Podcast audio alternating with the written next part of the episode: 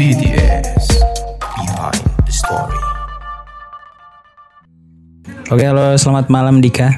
Jadi kemarin itu ada yang request buat cariin yang tentang dunia konser gitu. Jadi kayak eh, suruh cariin terus ya udah kemarin ada Raka kebetulan kan anak isi ya. Terus aku tanya gimana Rak ada temen yang ngurusin IO nggak gitu. Terus dicari-cariin. Nah, ketemulah Dika nih gitu. Yes yes. Raka Jadi kampus saya itu. ya kenalan dulu boleh dong Dika. Biar pada Boleh mas. Eh, halo semua. Eh, aku Andika Rehan, biasanya dipanggil Dika, panggil Rehan.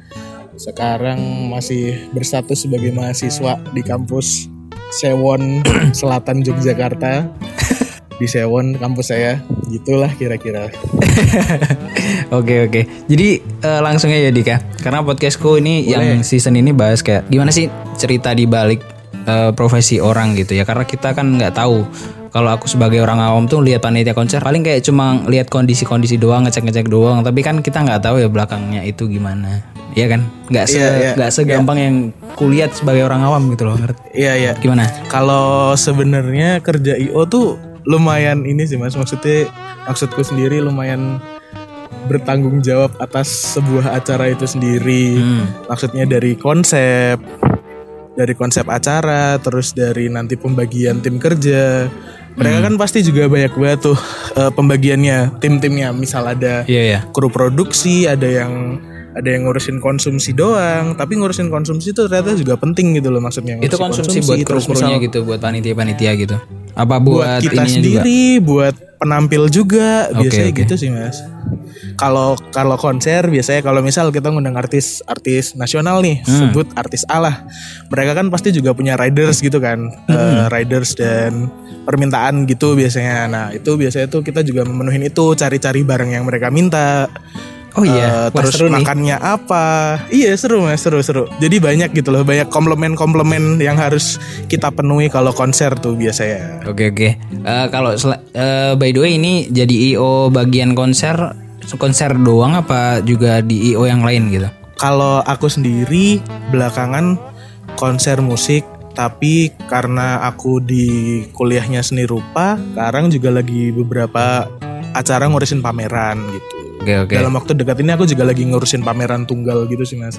Oh berarti itu kayak misalkan kan di Jogja nih banyak pameran ya, ya kan? Kayak Ya, ya, lukisan terus patung. Berarti eh, salah satunya kayak gitu ya kalau pameran seni rupa tuh ya? Eh, eh, misal ada art joke, ada FKY, ada Binel lah itu Keren kan juga ya. biasanya yang seni rupa seni rupa itu ya biasanya itu salah satu event-event yang mungkin dikenal teman-teman tuh itu Iya iya. art joke Nah, biasanya. aku tuh biasanya eh, kalau orang awam tuh nggak begitu peduli sama panitia konser kalau ya menurutku lo ya. Ini menurutku aja. Ya. Tapi kalau nggak ada panitia tuh nggak bakal ada acara itu gitu loh masalahnya. Jadi Iya, biar bener, mereka bener. tahu gitu loh susah payahnya kayak gimana panitia tuh. Jadi Bener, eh, bener, ceritain aja ya suka eh, gini aja deh awal mulanya kamu kok tertarik buat jadi IO konser gitu kenapa? Ah itu menarik juga itu. Ah jadi gini, kalau awal mulanya kenapa aku tertarik di dunia per event-eventan, soalnya dulu waktu SMA, SMA aku itu udah SMA SMK sih sebenarnya. Iya. Itu tuh aku udah SMK-nya SMK musik mas. Oh.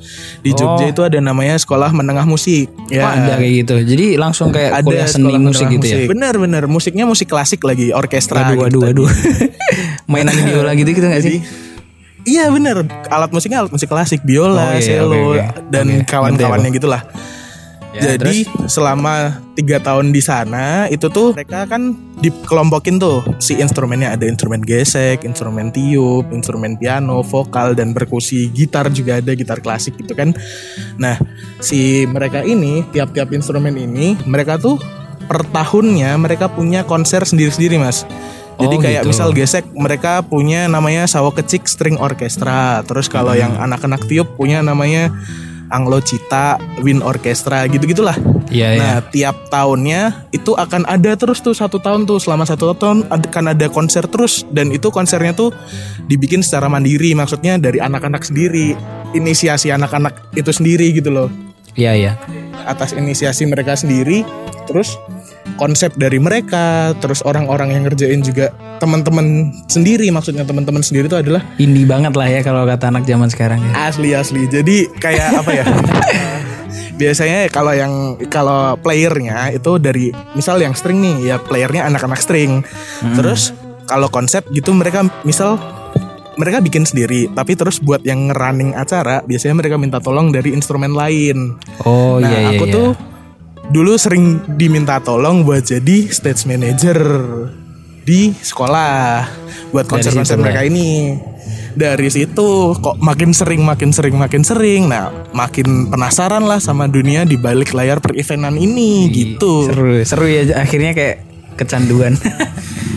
Bener bener. Nah, terus waktu di kelas 3 akhir-akhir kelas 3 SMA itu mau kuliah kan, Ya, bingung kan, mau ke mana nih. Sedangkan masalahnya tuh waktu aku SMA itu udah lumayan bosen belajar musik klasik ini. Soalnya aku tuh udah belajar musik klasik dari eh bukan belajar musik klasik, maksudnya belajar musik itu dari umur aku 4 tahun mas. Jadi Oh, empat dari tahun empat itu tahun. aku udah belajar main musik. Heeh, aku dari empat tahun itu udah belajar drum. Aku jadi nomor Oke. 4 tahun itu udah bisa baca not balok drum itu aku bisa. Nah terus Seriusan kayak gitu. asli asli mas. Aku dari umur 4 tahun belajar main musik. Ngeri kali ya. Aku masih main kelereng zaman segitu. aduh aduh. Main petak umpet juga tuh biasanya tuh. Iya. Biasanya gitu. Terus terus. Terus waktu SMA ketambahan 3 tahun tiap hari 24 per 7 lah hitungannya ketemu Iya. musik, ketemu not balok, baca bla bla bla segala macem. Merasa bosen kalau harus belajar itu lagi. Kayak sama ayang aja ya 24 per 7 aja. Aduh, aduh, aduh. Iya tuh, bener. Terus merasa bosen, Iya, iya. bingung kan mau kuliah di mana ya. Sempat ada pikiran waktu itu gap year. Karena Oh, iya. tahunku itu tahun 2020 mas aku ini angkatan kuliah tuh. Masuk Oh, kuliah tuh ya, 2020, pas corona. Pandemi-pandemi gak sih? Betul, betul. Itu sempat kepikiran ah Aduh, apa tahun sekali. depan aja.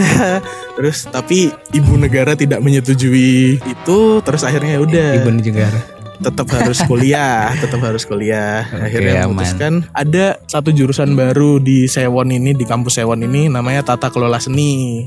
Nah, setelah Hmm. mengulik-mengulik ternyata mereka lebih beker kalau nanti setelah lulus atau saat ini pun juga kerjaan mereka lebih banyak di belakang layar. Jadi seperti Iya, IO iya, itu iya. tadi, gitulah akhirnya. Berarti emang cocok nih. Cocok nih sama seasonku kan BTS behind the story. Kalau eh, itu kan plesetin aja harus harusnya kan behind the scene ya. Jadi Iya, iya, iya, iya. Plesetin behind the story gitu. Iya, iya, iya, iya. Nah, aku mau mau nanya, mau nanya Dika. Eh, apa namanya? Kalau prepare buat IO konser ini kan bahasnya IO konser aku ya. Iya, Kalau iya. prepare buat IO konser itu serumit apa sih sebenarnya? Harus mempersiapkan apa aja gitu terus harus ngepasin jadwal sama apa namanya misalkan bandnya atau mungkin nanti harus apa sound sistemnya juga harus deal-dealannya tanggalnya segini harus bisa atau kalau nggak bisa Iya. gimana pokoknya. Aku pengen tahu deh. kalau yang jelas kalau misal kita ngomongin sebuah IO atau promotor IO lah ya kalau Iya, IO iya. gitu kan berarti kita kita yang bikin konsep acaranya konsep judul besar acaranya ini apa terus kita mau masukin siapa menghadirkan siapa gitu-gitu kan mas kalau aku Iya. ngebayanginnya ya nah kalau itu sendiri itu tuh berarti harus ada proses ya bisa dibilang brainstorming dulu lah buat si judul ini mau seperti apa dan kira-kira yang cocok dengan yang akan dibawain itu siapa artisnya gitu. Misal kalau kita udah nemu, baru tuh kita ngubungin si artis-artis ini. Biasanya pasti kalau ada kenalan bisa langsung personal. Kalau nggak ada paling by email dulu kan. Oh, Gitu. email Terus dulu. habis itu Iya biasanya pasti by email dulu atau DM gitu juga bisa sih mas tergantung sih sebenarnya itu banyak banyak cara untuk nge-reach artisnya sendiri sih menurutku. Maksudnya mengangkat tuh gimana maksudnya? Jadi kalau kalau buat prepare sendiri awalnya sih pasti kalau dari IO-nya tuh pasti bikin Hmm.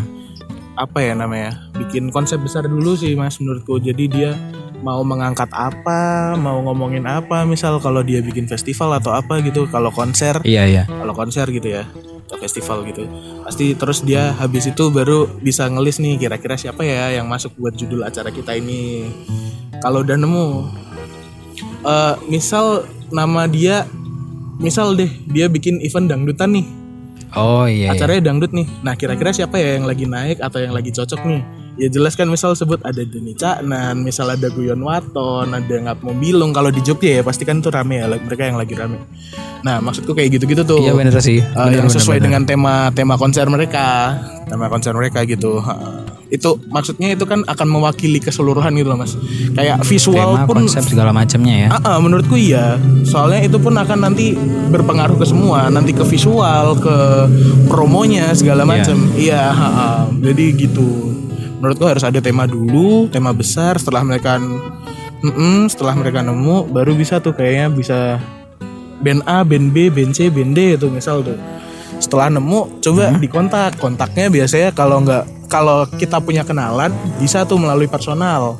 Kalau kita belum punya kenalan ke manajernya atau ke si manajemennya biasanya terus kita nge-reach-nya by email biasanya atau by DM terus nanti baru biasanya di dikasih tuh silakan gue hubungin ini kalau misal by DM ya. Terus kalau by email pasti nanti terus kita nunggu chat dibales dulu apa segala macem baru nanti obrolannya lanjut. Oh tapi kan biasanya kalau ini kalau di misalkan ini ya Danila atau siapa gitu kan pasti nanti di bio Instagramnya Yes, yes. CP ini gitu kan. Berarti nanti hubungi nomor WhatsApp itu gitu kan? Ya biasanya langsung ke manajernya biasanya gitu. Oke terus terus? Setelah itu biasanya tuh baru kita ajuin tanggal. Kalau tanggalnya cocok berarti kita bisa tuh lanjut ke proses berikutnya. Nah setelah itu biasanya tuh akan DP dulu tuh kita. DP dulu. Akan DP artis misal. Ha-ha, biasanya akan DP dulu uang muka lah gitu setelah kita DP nanti si artis ini biasanya baru ngasih tuh technical riders namanya. Technical Riders. Apa itu Technical Riders technical riders dan ya hospitality itu. Waduh tata cara berkendara yang baik dan benar ya. Gimana gimana gimana? Technical riders itu adalah eh, apa namanya ya penunjang mereka untuk konser lah penunjang mereka untuk konser. Biasanya kalau technical riders itu buat kebutuhan mereka di panggung kalau hospital itu tuh buat di belakang Oh, panggung iya, iya, iya, misalnya makanan snack oksigen gitu-gitu. Itu biasanya ke hospitality masuknya. Seribet itu ya. Itu itu prepare kayak gitu tuh hamin berapa sebelum konser? Kalau hamin berapanya menurutku minimal banget kamu bikin sebuah konser event tuh minimal banget tuh 6 6 bulan menurutku. Buat 10 Iya, konser apa menurutku buat satu konser doang? minimal buat satu konser. Seriusan? Soalnya kan terus nanti kita di luarnya akan ngomongin sponsor Waduh. kita mau ngomongin media partner nah, itu. Ngeri juga ya kita cari ya. duit kan juga maksudnya kita butuh butuh sponsor Iya, iya. lah gitulah apa segala macam. Ya minimal banget tuh kalau sponsor akan dapet tuh minimal banget menurutku tuh enam bulan. Tiga bulan Iya. bisa tapi kayak ya masih ketar ketir gitu lah iya iya, masih kayak iya nggak iya iya nggak iya gitu ya? Ya betul betul. Dari pihak sponsornya kan akan banyak pertimbangan juga pasti. Aduh ternyata Gitu. se ini banget ya 6 bulan loh 6 bulan sebelum lumayan kompleks Iya, nah, lumayan jadi- kompleks dan panjang Jadi buat sebenarnya para pendengar nih, kalau jangan dikira buat panitia konser itu segampang kayak cuma lihat-lihat doang ya. Ternyata tuh prepare-nya harus hampir 6 bulan gitu. bener. Terus lanjut lanjut Dika. Ah, setelah itu setelah kita dapat technical riders kita deal tanggal segala macem lanjutnya kita tinggal mempersiapkan Hmm. aja sih mas misal kayak technical riders dia dia minta sound spec ini Oh gitu-gitu banget ya, drumnya sampai ini, segitunya ya. amplinya ini iya mas Ngeri, ngeri, gitu ngeri. tapi itu terus bisa menyesuaikan dengan keadaan kota kita maksudnya kalau misal kita cari vendor sound nih cari vendor sound Mas aku nggak punya drum ini, aku punyanya ini. Coba kita omongin dulu ke Waduh manajernya. gitu ya harus bolak-balik nggak? tektoknya harus bolak-balik Iya. gitu ya. Iya bener Dengan spek seperti ini drumnya Misal misal mereka nggak bawa drum sendiri gitu Iya, ya iya. Atau mereka nggak minta ampli yang spesifik gitu Nah terus kita koordinasikan dulu tuh sama manajernya lagi Terus kita nunggu nunggu kesepakatannya Astaga, gimana Kalau deal kita lanjut Kalau nggak kita cari lagi tuh Apa yang kira-kira mendekati Atau dia minta yang di bawahnya itu apa kira-kira Biasanya gitu tuh Kalau dari technical riders di panggung Oh iya ya, maksudnya technical gitu, tuh yang secara Hmm. teknis banget lah ya pokoknya ya. Ya betul betul. Misal kayak itu tadi ampli, alat-alat di Ngeri, panggung lah, mic segala macem, bener gitu gitu. Terus gini gini, kebutuhan kayak gitu Hmm. tuh ada yang eh, pernah ngalamin nggak yang sulit banget gitu buat dicariin sampai dianya nggak mau pokoknya harus ini gitu ada nggak? Kalau sekarang sih enggak sih mas. Rata-rata artis-artis sudah oke Oh, oke bagus aja. ya. Maksudnya kayak mereka udah punya standarisasi. Oh emang di Indonesia tuh dan vendor-vendor Iya, juga ya iya. maksudnya. Oh mereka tuh emang ini yang ini emang segini nih harusnya kita tuh punya ini buat konser. Nah, jadi vendor-vendor pun juga udah pada sadar gitu. Oh, iya. Kalau permintaan itu paling nggak kita punya spek sekian. Kalau permintaan di atas panggung sama di belakang panggung ada yang aneh-aneh gitu nggak? Misalkan di belakang kayak minta apa gitu, ada boneka kayak Oh, yang gitu-gitu ya. Iya kayak Kan ada kebutuhan masing-masing katamu tadi. Kalau permintaan Gimana? Seru kan? Jangan lupa buat follow atau subscribe dulu podcast ini biar gak ketinggalan episodenya ya. See you di episode selanjutnya. Bye-bye.